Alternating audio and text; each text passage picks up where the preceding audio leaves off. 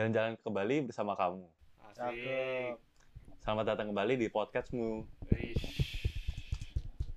Halo, selamat datang kembali di podcastmu. Perkenalkan lagi, gue namanya Farel. Eh, mungkin kalau kalian yang udah denger gue di bulan kemarin, gue kuliah fisika di TUM. Dan hari ini kita masih bersama host kita yang sama.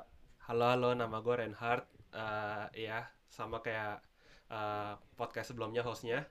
Eh, tapi hari ini kita ada kedatangan eh, teman baru nih. Siapa tuh? Eh, siapa nih? Boleh perkenalan diri coba? Halo halo, nama gua Ken, Ken Nathanael Ritung. Gua mahasiswa di TU München, uh, jurusan Machine and Western atau Teknik Mesin semester 4. Keren. Wih, luar biasa. Keren. Kenapa sih kita ngundang dia hari ini?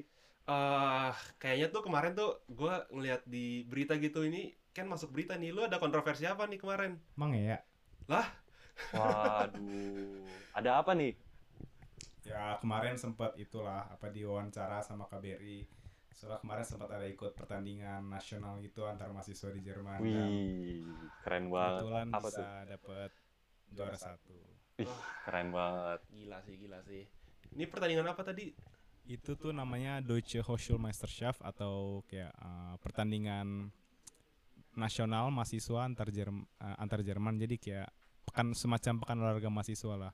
Dan yang kemarin gue ikutin itu untuk cabur gymnastics atau artistic gymnastics senam. Ih, gila sih, Ih, keren banget sih ini. Emang kalau lomba kayak gitu orang asing juga bisa ikutan ya? Nah dari kemarin tuh di lombanya sendiri tuh sekitar ada 800 orang dan ya eh, cowok dan cewek dan dari 800 orang itu kebetulan cuma ada dua orang Asia satu dari Jepang dari kota lain sama gue sendiri dari Indonesia mewakili Munchen. Keren banget. sih mayoritas sih semua hampir Jerman karena kan pertandingan antar mahasiswa Jerman.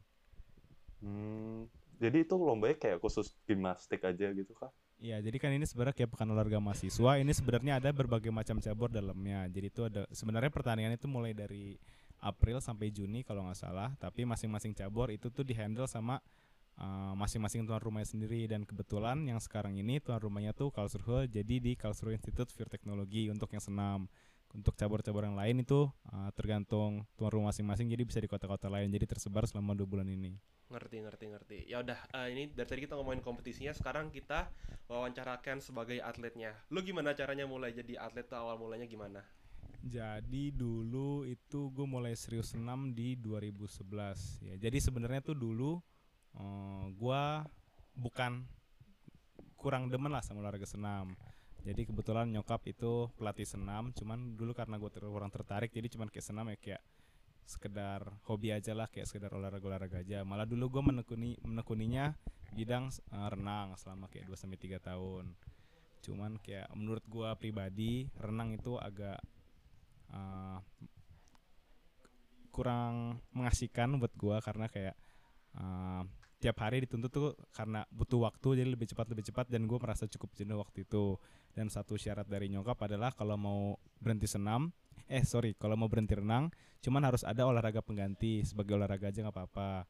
Dan karena waktu itu kebetulan nyokap pelatih senam jadi gue coba-cobalah ikut senam. Jadi kayak latihan kayak di klub kayak seminggu dua kali aja.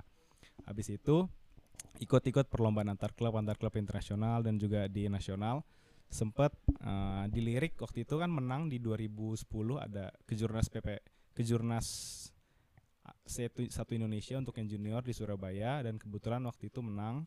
Terus waktu itu sempat dilirik oleh tim DKI jadi 2011 itu gue dikontrak sebagai PPLP jadi waktu itu gue dit- eh, ditawarkan untuk menjadi bagian dari PPLP atau Pusat Pendidikan dan Latihan Olahraga Pelajar. Jadi itu kayak sebagai wadah pembinaan gitu buat atlet yang mungkin berbakat dan apa berpotensial untuk menjadi dikembangkan menjadi atlet berprestasi.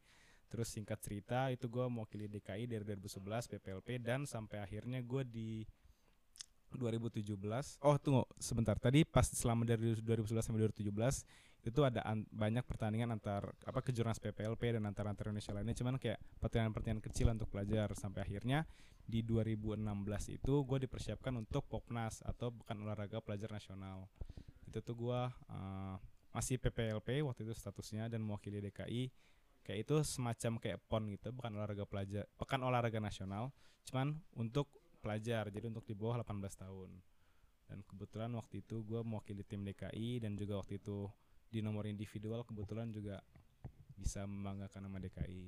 Gila sih keren. Wah banget. gila, keren prestasinya. banget prestasinya luar biasa. Numpuk semua prestasinya gimana ini? Kalau tadi gue perhatiin, lu udah jadi atlet berarti dari umur berapa tuh? Dari 2012? 2011 berarti sekitar 10 tahun itu tapi 10 tahun itu yang mulai serius tadi setelah mulai dilirik di PPOP tapi dari sebelumnya udah mulai latihan cuman kayak sebagai recreational doang jadi kayak sebagai kayak olahraga aja Gila, gila. Berarti emang dari kecil udah terbiasa jadi atlet. Keren sih sebenarnya. ya bisa dibilang seperti itulah Oke, eh tapi kan kita ini di Munchen kita kenalnya Ken tuh sebagai pelajar. Nah, gue jadi mau nanya nih, eh kan kan dulu, lu dulu kan eh, udah atlet, udah banyak prestasi gitu, nggak pernah sekali gitu kayak eh, mikir kayak mau jadi atlet eh, profesional atau gimana, tapi eh, malah milih eh, untuk belajar perguruan tinggi gitu. Kalau dari dulu sih gue pribadi emang nggak pernah terpikir ya kayak menjadi atlet profesional karena emang dari dulu kan gue sebagai melakukan senam sebagai olahraga aja. Cuman kebetulan kayak dengan seiring berjalannya waktu gue kayak bisa ikut pertandingan-pertandingan mewakili DKI jadi secara tidak langsung menjadi atlet profesional juga pada waktu itu. Cuman tetap masih prioritas nomor satu diutamakan pendidikan. Jadi senam tuh kayak sebagai sampingan waktu itu.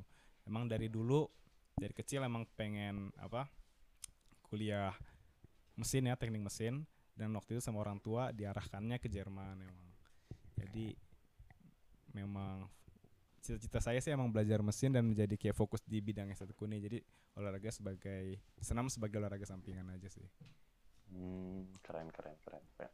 Tapi gimana sih awalnya eh, kok bisa kepikiran di Jerman udah kuliahnya susah tapi tetap ikut olahraga ya tuh gimana awalnya? Nah, jadi waktu itu tuh, eh, ceritanya lucu juga karena waktu itu kan gue sebenarnya terakhir itu ikut eh, direncanakan ikut oh ya sorry sebelumnya kan waktu itu kan gue dari 2017 habis Popnas. Nah, setelah itu eh gue naik jadi Platda. Platda kat- kayak pelatihan daerah lapis 2 dan berikutnya naik menjadi lapis 1 dan mewakili DKI di PON atau Pekan Olahraga Nasional direncanakan dari 2020 di Papua. Nah, emang pas sejak SMA kan gue emang udah mau fokus ke Jerman, jadi emang kayak timingnya tuh udah di planning. Jadi pas uh, 2020 itu pon gue udah selesai stutkol dan bisa fokus benar-benar kuliah di Jerman. Cuman karena waktu itu ada covid-19 dan berbagai macam jadi pon di Papua diundur jadi 2021 cuman waktu itu kebetulan karena waktu itu gue stutkolnya di Berlin jadi waktu itu sempat ada warta semester satu semester. Jadi itu gue pas di Jerman waktu itu emang belum latihan sama sekali karena kendala covid juga jadi di satu semester 6 bulan itu gue bener-bener ngejar buat PON 2021 yang sempat gua uh, yang sempat terundur itu. Nah setelah PON 2021 itu kayak rencana gue emang kayak oke f- uh, udah selesai, gue pengen fokus kuliah nih kayak di, uh, kebetulan waktu itu gue terima di TUM jadi pengen fokus kuliah biar bisa uh, mendapatkan hasil maksimal lah bisa dibilang seperti itu.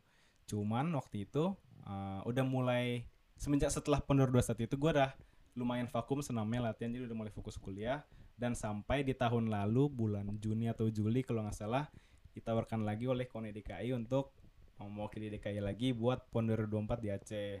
Seperti itu gue lumayan dilema karena kayak ya kemarin ya pas zaman zaman SMA juga kan kayak sebagai atlet dan bagi waktu udah cukup berat terus sekarang kan kuliah juga di TUM makanya kemarin sempat eh, galau cuman kayak kemarin eh, kayak nggak ada salahnya coba karena kan targetnya nggak langsung ke PON. Jadi targetnya itu pertama untuk ke babak kualifikasi PON dulu.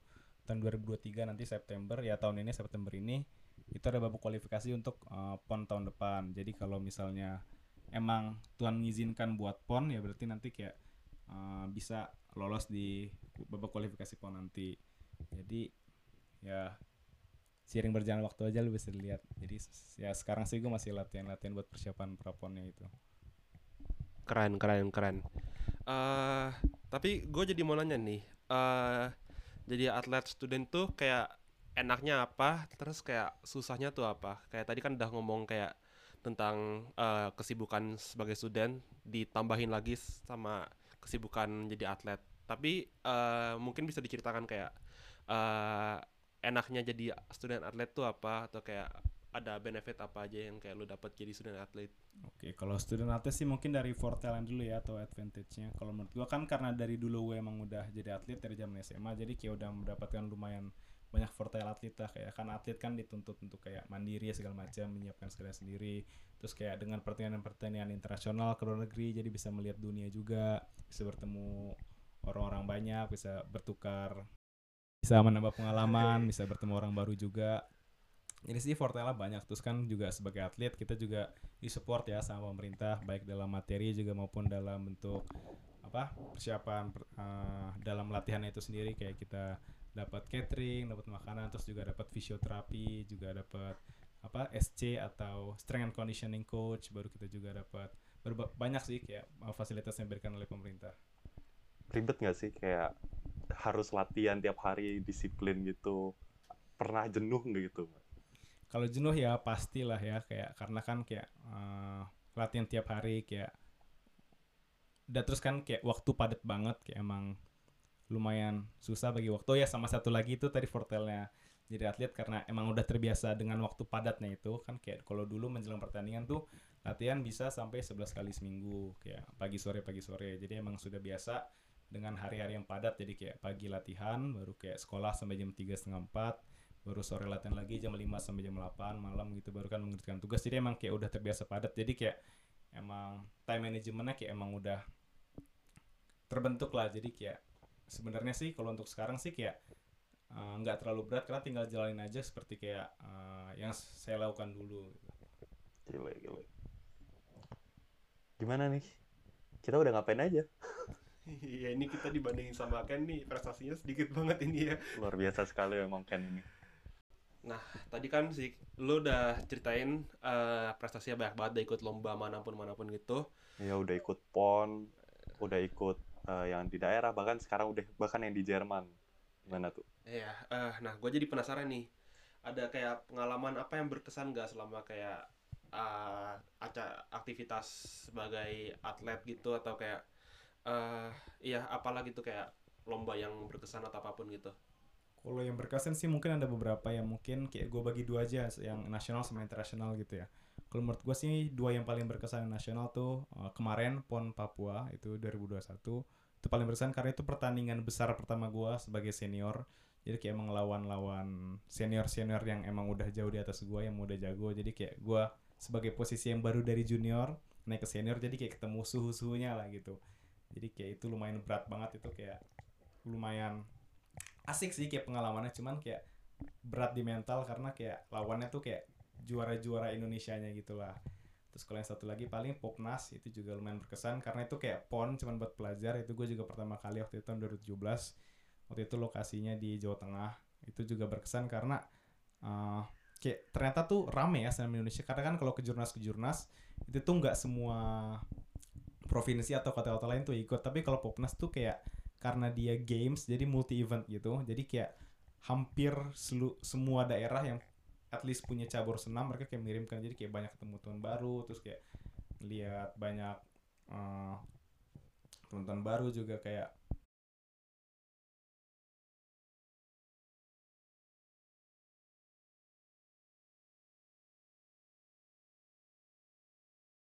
ya jadi kemarin kayak ya ketemu teman baru juga terus kayak ngelihat berbagai macam daerah di Indonesia kayak gimana kayak perkembangan senam mereka. Terus ya juga kan itu kan juga ada dari tim dari DKI jadi kita kayak uh, makin solid sih. Karena kan biasanya kan kalau latihan kan kayak putra dan putri juga kayak sendiri-sendiri dan juga kan kayak uh, di putaran kayak juga kita terbagi ke beberapa klub gitu dari dari DKI Jakarta jadi kemarin tuh kayak menjelang persiapan tuh kayak uh, lebih deket aja sih sama teman-teman satu. Berarti temen lu jadi banyak banget ya sekarang kayak dari seluruh Indonesia, dari seluruh daerah tuh ada gitu. ya itu salah satu advantage-nya itu sih jadi gue bisa ketemu banyak teman baru baik yang dari nasional maupun di internasional juga punya kenalan lah di luar negeri juga Keren, keren. Terus kalau yang internasional tuh gimana? Kan lu katanya juga banyak pertandingan internasional. Ya, jadi kalau dulu itu kayak untuk yang internasional dulu sih kayak uh, jadi kalau di Singapura tuh waktu itu kayak ada tahunan gitu Singapura International uh, Singapore Open Gymnastics International Championship. Itu tuh kayak itu kayak open jadi kayak sebenarnya kayak negara-negara mana pun bisa ikut. Itu dia tahunan cuman waktu itu. Gue ikut tahun 2016 2017 2018 itu kan gue posisi masih di bawah 18 tahun. Jadi waktu itu masih mewakili Indonesia sebagai junior. Itu kayak itu ya uh, ketemu teman-teman kan karena pas juga zaman masih zaman di klub dulu juga kayak emang sering pertandingan antar klub di Singapura juga kayak jadi banyak ketemu teman-teman lama dari Singapura. Cuman yang berkesan tuh ber, yang paling berkesan sih menurut gue di tahun 2018 karena setelah yang 2017 Popnas itu gue dilirik oleh uh, Menpora dari tim Indonesia kayak untuk mewakili Indonesia sebagai tim juniornya. Karena di 2018 itu banyak pertandingan internasional buat junior. Jadi 2018 gue masuk timnas untuk uh, senam artistik putra tim juniornya. Dan waktu itu kebetulan kalau nggak salah ada dua atau tiga pertandingan besar itu. Jadi yang pertama itu ada Singapore Open lagi yang tadi itu masih junior. Terus habis itu berikutnya ada Asian Championship Asian Junior Gymnastics Championship itu. Jadi kayak level Asian Championship. Jadi dia single event bukan kayak Asian Games yang multi event gitu jadi dia satu Asia jadi melawan Jepang, Cina, Korea, Uzbekistan dan lain-lain itu. Terus waktu itu sih uh, lumayan berkesan karena itu bener-bener kayak terbuka matanya kan biasanya kayak mainnya di Asia Tenggara Asia Tenggara aja. Sini bener-bener ngeliat kayak Jepang, Cina yang kayak emang jagoan-jagoannya di Asia itu jadi kayak uh, kenalan juga sama mereka jadi kayak bertemu teman baru. Dan itu waktu itu posisi Asian Championship itu sebagai kalau nggak salah untuk seleksi di di Olimpiade Youth Olympics 2018 ya itu kayak kayak Olympics cuman buat yang juniornya jadi namanya Youth Olympics. Dan waktu itu unfortunately tim kita uh, nyaris masuknya karena waktu itu kalau nggak salah tuh tim kita ke 10 atau ke 11 ya. Gua agak lupa. Mohon maaf kalau salah.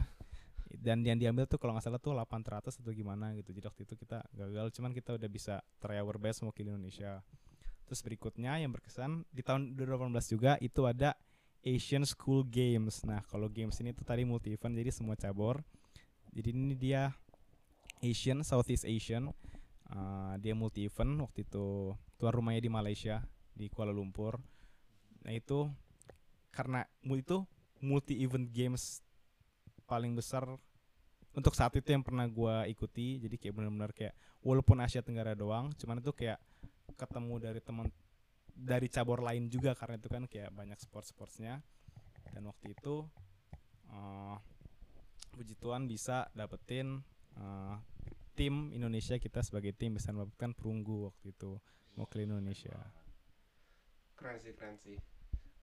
Berarti sebenarnya banyak banget ya apa pertandingan kompetisi internasional yang nggak cuma untuk yang profesional tapi yang buat masih student pun banyak di luar negeri ataupun dalam negeri? Kalau di Indonesia kan kayak emang gymnastics tuh kurang favorable ya, jadi kayak kurang uh, dikenal masyarakat luas, jadi kayak emang kayak total gymnastics di Indonesia tuh kayak uh, atletnya tuh kayak nggak sebanyak itu nggak sebanyak mereka kan. Kayak mungkin kayak di bawah 300 200 orang gitu kayak. Jadi nggak terlalu banyak. Jadi itu juga pertandingan biasanya tuh agak susah. Biasa kayak paling setiap tahun sih paling ada kejurnas sekali atau dua kali. Terus ada yang di Singapura Open itu kayak sekali. Jadi kayak sebenarnya uh, untuk di Indonesia sih kami agak biasanya kurang jam terbang sih karena uh, kurang pertandingan kayak uh, untuk melatih rangkaian-rangkaian. Sedangkan kan kalau uh, yang gue lihat di Eropa kayak mereka banyak banget jenis pertandingan baik kayak liga ataupun kayak uh, friendship championship gitu kayak segala macam banyak bisa jadi bisa menambah jam terbang. Jadi sih menurut gue dulu gue masih kurang jam terbang karena uh, kepentok di kurangnya pertandingan sih. Nah sekarang uh, eh, gue mau nanya lagi, uh, jadi kan lu uh, baru masuk TUM tahun lalu, itu kan lu belum ada kayak asosiasi apa apa sama TUM sama sekali kan. Uh, terus sekarang lu bisa jadi atlet yang representasiin uni gitu, uh, itu prosesnya gimana ya?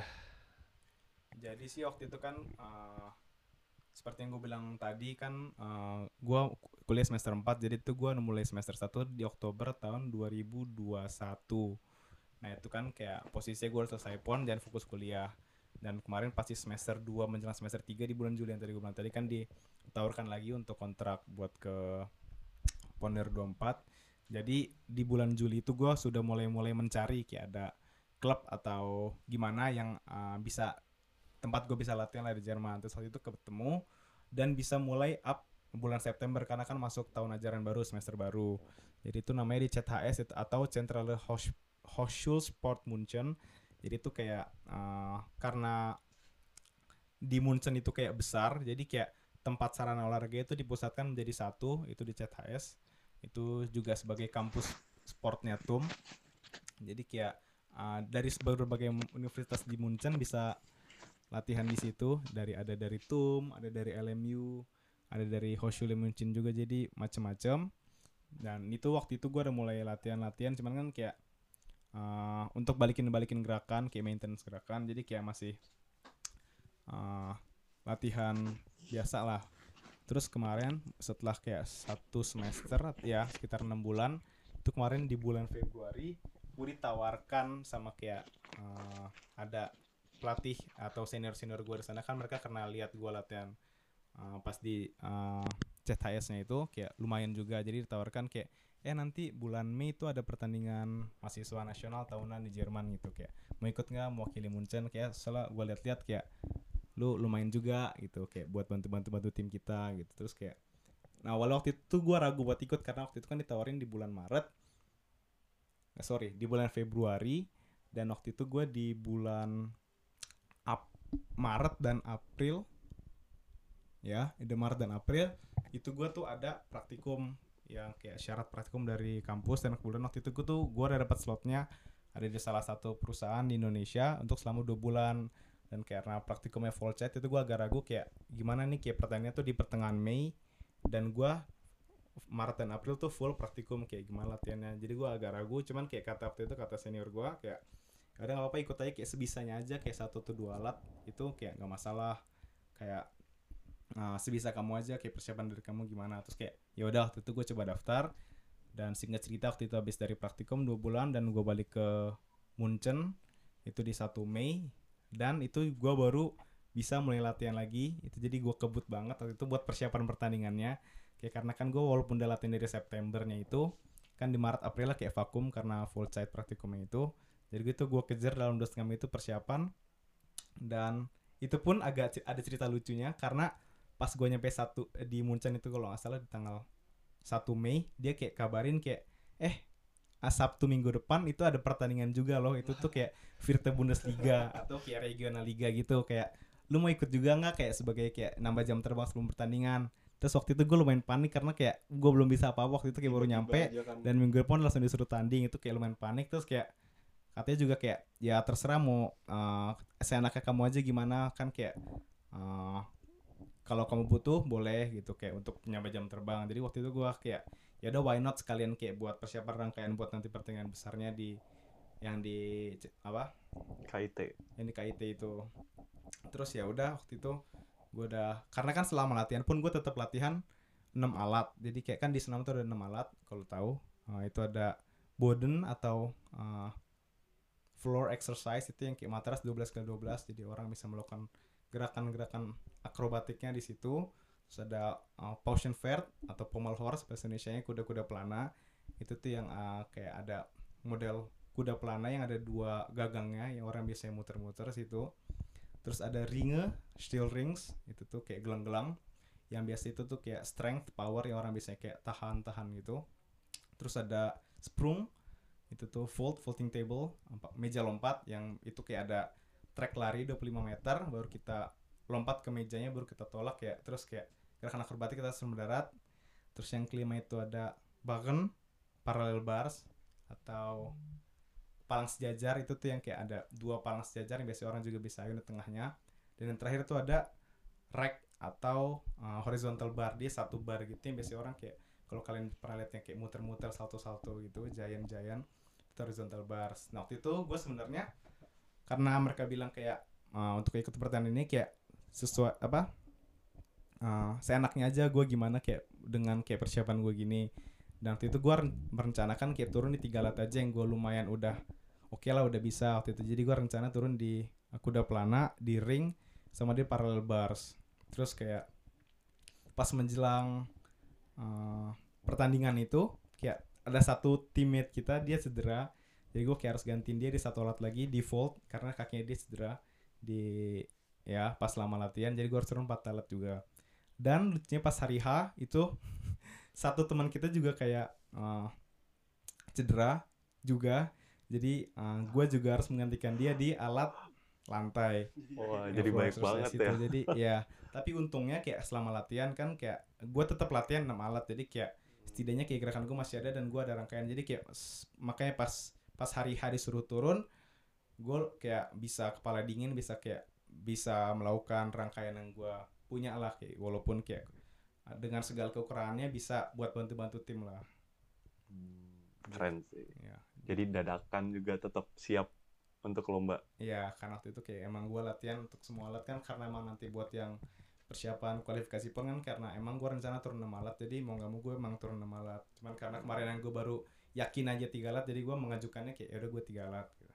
Oh. Cuman akhirnya gue turun 5 alat lima per enam akhirnya dia semua yang kerjain ya Tapi beda nggak? eh, lu ngerasain ada yang beda nggak ketika lu latihan di Jerman sama orang-orang Jerman atau ketika lu latihan di Indonesia ada perbedaan yang signifikan kah? Atau sama aja sebenarnya? oh kalau bahas itu sih menurut gue sih banyak banget ya kayak literally banyak banget. Kayak contoh satu misalnya kayak dari segi pertandingan aja kayak di Jerman tuh ada banyak banget jenis pertandingan. Kayak uh, contohnya kemarin kayak Bayerische Regionalliga aja itu tuh dia kayak Vierte Bundesliga dan dia tuh kayak modelnya kayak mirip bola kalau lu tahu. Jadi kayak ada kayak serinya gitu jadi berseri itu. Jadi itu kan dia Regionalliga untuk Bayern. Jadi kayak kemarin itu uh, pas pertengahan Mei dia tuan rumahnya di München. Terus nanti ada berikutnya 8 Juli tuan rumahnya di Augsburg. Terus ada lagi kapan itu? Oktober kalau nggak salah itu di daerah selatan gua agak lupa di Fusen atau di mana. Terus nanti ada juga setelah Oktober ada satu lagi.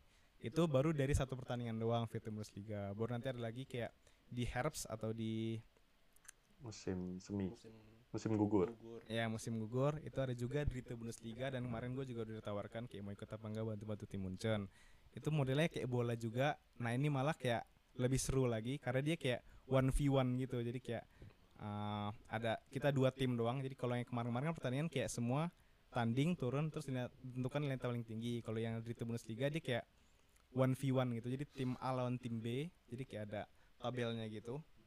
Jadi kayak satu orang masuk jadi ini bener murni strategi sih. Jadi kayak satu orang rangkaian terus satu orang uh, dari tim lawan juga ngirim satu orang rangkaian terus dini- dilihat nilai siapa yang lebih tinggi terus kayak itu dilihat untersheetnya atau perbedaannya kayak itu ada tabelnya gitu. Kayak misalnya kalau beda 01,03 tuh kayak satu poin 03 sama 08 atau berapa itu ada dua poin terus nanti ditotalin poinnya kayak ada jumlah poinnya gitu. Jadi kayak terus nanti ada klasemennya. Jadi dia kalau itu dia kayak tiap minggu gitu kayak dia selama 8 minggu kan ada kayak untuk uh, Dritte Bundesliga itu kan dia daerah selatan doang. Itu tuh ada 8 tim selama 8 minggu itu mereka juga melawan satu sama lain. Wow. itu dari segi pertandingan. Baru belum lagi ada antar klub terus kayak banyak sih dari segi pertandingan. Terus kalau dari segi latihan sih kayak di sini kayak agak lebih berbeda dengan Indonesia karena kalau di sini karena kita dituntut udah dewasa gitu jadi kayak uh, kita harus ada udah harus tahu apa yang harus kita lakukan gitu. Jadi kayak kita lumayan dilepas jadi pelatih itu sebagai eh, pengawas aja dan kayak mereka memberikan masukan-masukan cuman nggak bukan kita yang kayak dikasih program A B C D gitu. Jadi kita emang diarahkan aja dan di dipantau. Jadi kayak eh, kebutuhan kita apa kita latihan sendiri gitu. Itu kalau dari segi latihan. Terus kalau dari segi pertandingan beda banget sih vibesnya kayak di sini. Karena mungkin di Jerman tuh kayak gimnastik salah satu olahraga besar. Jadi kayak kemarin tuh penontonnya bener-bener full terus kayak vibesnya tuh bener-bener kayak mirip nonton bola gitu jadi kayak Oh rame iya, terus kayak oh. ada pakai supporternya terus ada yang pakai gendang beduk Ih. jadi kayak Oh, gitu. ya terus kayak pakai apa kayak beduk segala macam itu kayak rame banget terus kayak nggak tahu vibesnya di sini kayak lebih positif sih terus kayak kekeluargaan gitu jadi kayak walaupun tim lawan yang masuk pun kayak tetap kayak di support segala macam gitu jadi kayak suportif banget Hmm. terus karena mungkin kemarin juga pertandingan antar mahasiswa jadi kan kayak sumuran sumuran semua mahasiswa jadi kayak asik. Wah, berarti baik banget ya bedanya kalau latihan gimnastik atau tanding di Indonesia dibandingkan sama di Jerman. ya nggak hanya dengan Jerman aja sih kayak uh, algeman Indonesia dengan internasional aja kayak Eropa dan garis Eropa sih itu kayak berbeda banget. Makanya kita sebagai atlet tuh biasanya dapat jatah ya per tahun kayak uh, training camp dan tryout. Jadi kalau training camp tuh kita bisa kayak latihan camp gitu di luar negeri biasanya kayak bisa bisa dua minggu sampai bisa 8 minggu gitu. Jadi kayak uh, karena kan dengan pelatih asing terus kayak dengan suasana baru juga ngikutin kayak da- negara yang kita kunjungi gimana. Dan dan juga tryout. Kalau tryout tuh kita dapat jatah buat pertan apa pertanian luar negeri. Karena kan beda ya di Indonesia dan luar negeri kayak membuat nama jam terbang pertanian luar negeri beda lah gitu. Makanya nah dan kemarin ini gue juga mengajukan ke Koni DKI uh, yang kemarin gue pertanian KIT ini sebagai salah satu tryout gue buat nanti persiapan bawa kualifikasi pon dan puji Tuhan mereka kayak ACC jadi gue juga disupport disponsor dari Indonesia buat pertandingan kemarin KIT itu sama DKI Oh, keren banget ya. Jadi biarpun lu nggak 100% ada di Indonesia, lu banyak menghabiskan waktu di Jerman, tetap disupport untuk eh, lomba olahraga di Indonesia nantinya. Iya, yang penting sih mereka paling cuma butuh kayak bukti-bukti aja sih kayak kemarin kayak selama ini gue latihan, kayak bukti-bukti foto-foto video latihan dan juga kayak apa pertandingan-pertandingan juga termasuk kayak aktif gitu untuk dalam senamnya juga kayak Oh sama itu juga kayak uh, mereka juga kayak minta bukti gitu kan kayak dari koninya kayak ya makanya kayak kita setiap uh, tiga atau enam bulan sekali itu di request kayak untuk tes fisik. Uh, kayak untuk ngelihat kayak kondisi fisik atlet-atlet uh, DKI lah gitu. Jadi kayak kayak contohnya kita tadi aja karena kan kayak teman-teman gue di Indonesia kan di Jakarta kemarin juga habis tes fisik dan mereka kan langsung sama oleh di UNJ di Rawamangun itu tes fisiknya. Dan karena kebetulan gue posisi luar negeri kan jadi agak susah. Jadi gue dikirimin apa item-itemnya apa aja dan gue apa melakukan tes fisik sendiri di sini. Jadi kayak dibantu teman juga untuk bantuin hitungin bantuin fotoin. Yang penting bisa ada buktinya jadi semua data gue sih bisa walaupun gue kayak LDR lah jatuhnya gitu kayak jarak jauh. LDR, gile. Yang lain LDR pacaran, yang ini LDR jadi atlet. pun bisa LDR ya. Luar biasa. Eh, nah jadi ini kan podcastnya udah lumayan panjang nih jadi eh, sebagai pertanyaan terakhir gue mau nanya eh, mungkin lu punya kayak tips atau pesan apa untuk adik-adik kelas yang kayak mungkin pengen juga jadi eh, atlet student di Jerman juga? Kok kalau saran gue sih mungkin uh, bukan hanya atlet student ya kayak uh, apalagi di Eropa ini posisi di Jerman kayak di mana sport itu salah satu kayak kebutuhan primer lah jatuhnya. Kan itu sih emang sport tuh kayak mau menjadi bagian dari hidup. Dan kayak di Munchen apalagi kayak contohnya kayak di CTS itu kan ada berbagai macam banget sport. Kayak ya nggak ada salah sih kayak nyoba nyoba gitu kayak sport kayak sport travel kayak kan ada banyak pilihan kayak kalian bisa pilih apa ya kayak misalnya ada kayak ada archery ada misalnya kayak ada golf ada apa aja kayak bisa coba-coba banyak olahraga juga karena di sini kan kayak semua orang juga berolahraga. Dan kalau emang pengen ditekunin sih kayak ya itu kayak kalian uh, komitmen sih harus bisa komitmen kayak untuk kayak semuanya. Kan ada saat-saat masa jenuh saat capek tapi kalian kayak harus go through it itu biar kayak bisa lanjut terus. Karena kan kayak uh, atlet tuh kayak uh, emang dilatih kayak bisa mel- apa melalui kayak up and down-nya. Jadi kayak emang dan kayak kalau sebagai atlet juga kalian pasti kayak terbentuk mentalnya kuat. Karena kan emang dari segala macam apa kebutuhan dan kayak uh, soft skill soft skill juga banyak dilatih sebagai atlet. Jadi kayak oke banget sih Benar. ya, tapi tetap nomor satu sih time management kayak jangan sampai kalian ninggalin kuliah Bener banget sih. Olahraga itu sangat mensupport hidup kita sehari-hari. Ya, Iya banget, apalagi makanya di Eropa kan kayak uh, banyak jadi kalau di Jerman sih yang gue lihat jadi kayak mereka walaupun kayak sampai kayak udah berubahan gitu kayak udah berumur juga mereka kayak masih tetap melakukan olahraga karena itu kayak emang mungkin karena mereka terbiasa dari mudanya dan juga emang itu kayak kalian pernah nggak sih ngerasa kalau habis olahraga tuh kayak lebih seger aja badan lebih enteng enteng Hmm. jadi kayak Iya emang benar kayak banget. emang kayak itu yang dicari sama orang sih jadi kayak lebih seger badan kan kalau uh, apa pun. Jadi kayak kalau ada waktu kapan sempet ya olah, sempat sempat olahraga aja sih. Kayak kalian mumet itu kayak gua kadang gitu kayak olahraga solusi kayak kayak infah jogging atau ngapain itu kayak cari udara segar itu kan. Kayak ya juga kan uh, berkeringat segala macam men oke. Naikin Oke. mood juga kan Jadi buat teman-teman yang di Munchen yang mau klausur sebentar lagi, jangan lupa tetap olahraga. Iya betul. Soalnya kalau malah di kamar doang itu mumet kalian malah kayak Nggak bisa stres sendiri ya kayak ya sempat sempatnya lah kayak sejam aja cukup kayak keluar gitu kayak jogging atau apa kayak cari udara segar itu kayak oke banget. Eh, berhubung waktunya juga udah habis nih, terima kasih banyak Ken udah mau bersedia hadir di podcastmu bulan ini. makasih banyak juga udah uh, diberikan kesempatan diundang juga buat jadi salah satu uh, narasumber di podcast ini jadi bisa berbagi juga ya cerita-cerita lah kayak kehidupan seorang atlet nggak hanya sebagai atlet juga kayak sebagai olahraga secara allgemein ya Iya, benar banget sih. Mungkin berapa tahun lagi Ken nih bisa jadi Menteri Olahraga Indonesia. Wah, gila keren banget. amin amin Amin. Oke, kalau gitu dari kita berdua, dari kita bertiga sampai sini aja dulu. Sampai jumpa di podcastmu selanjutnya. Servus. ciao ciao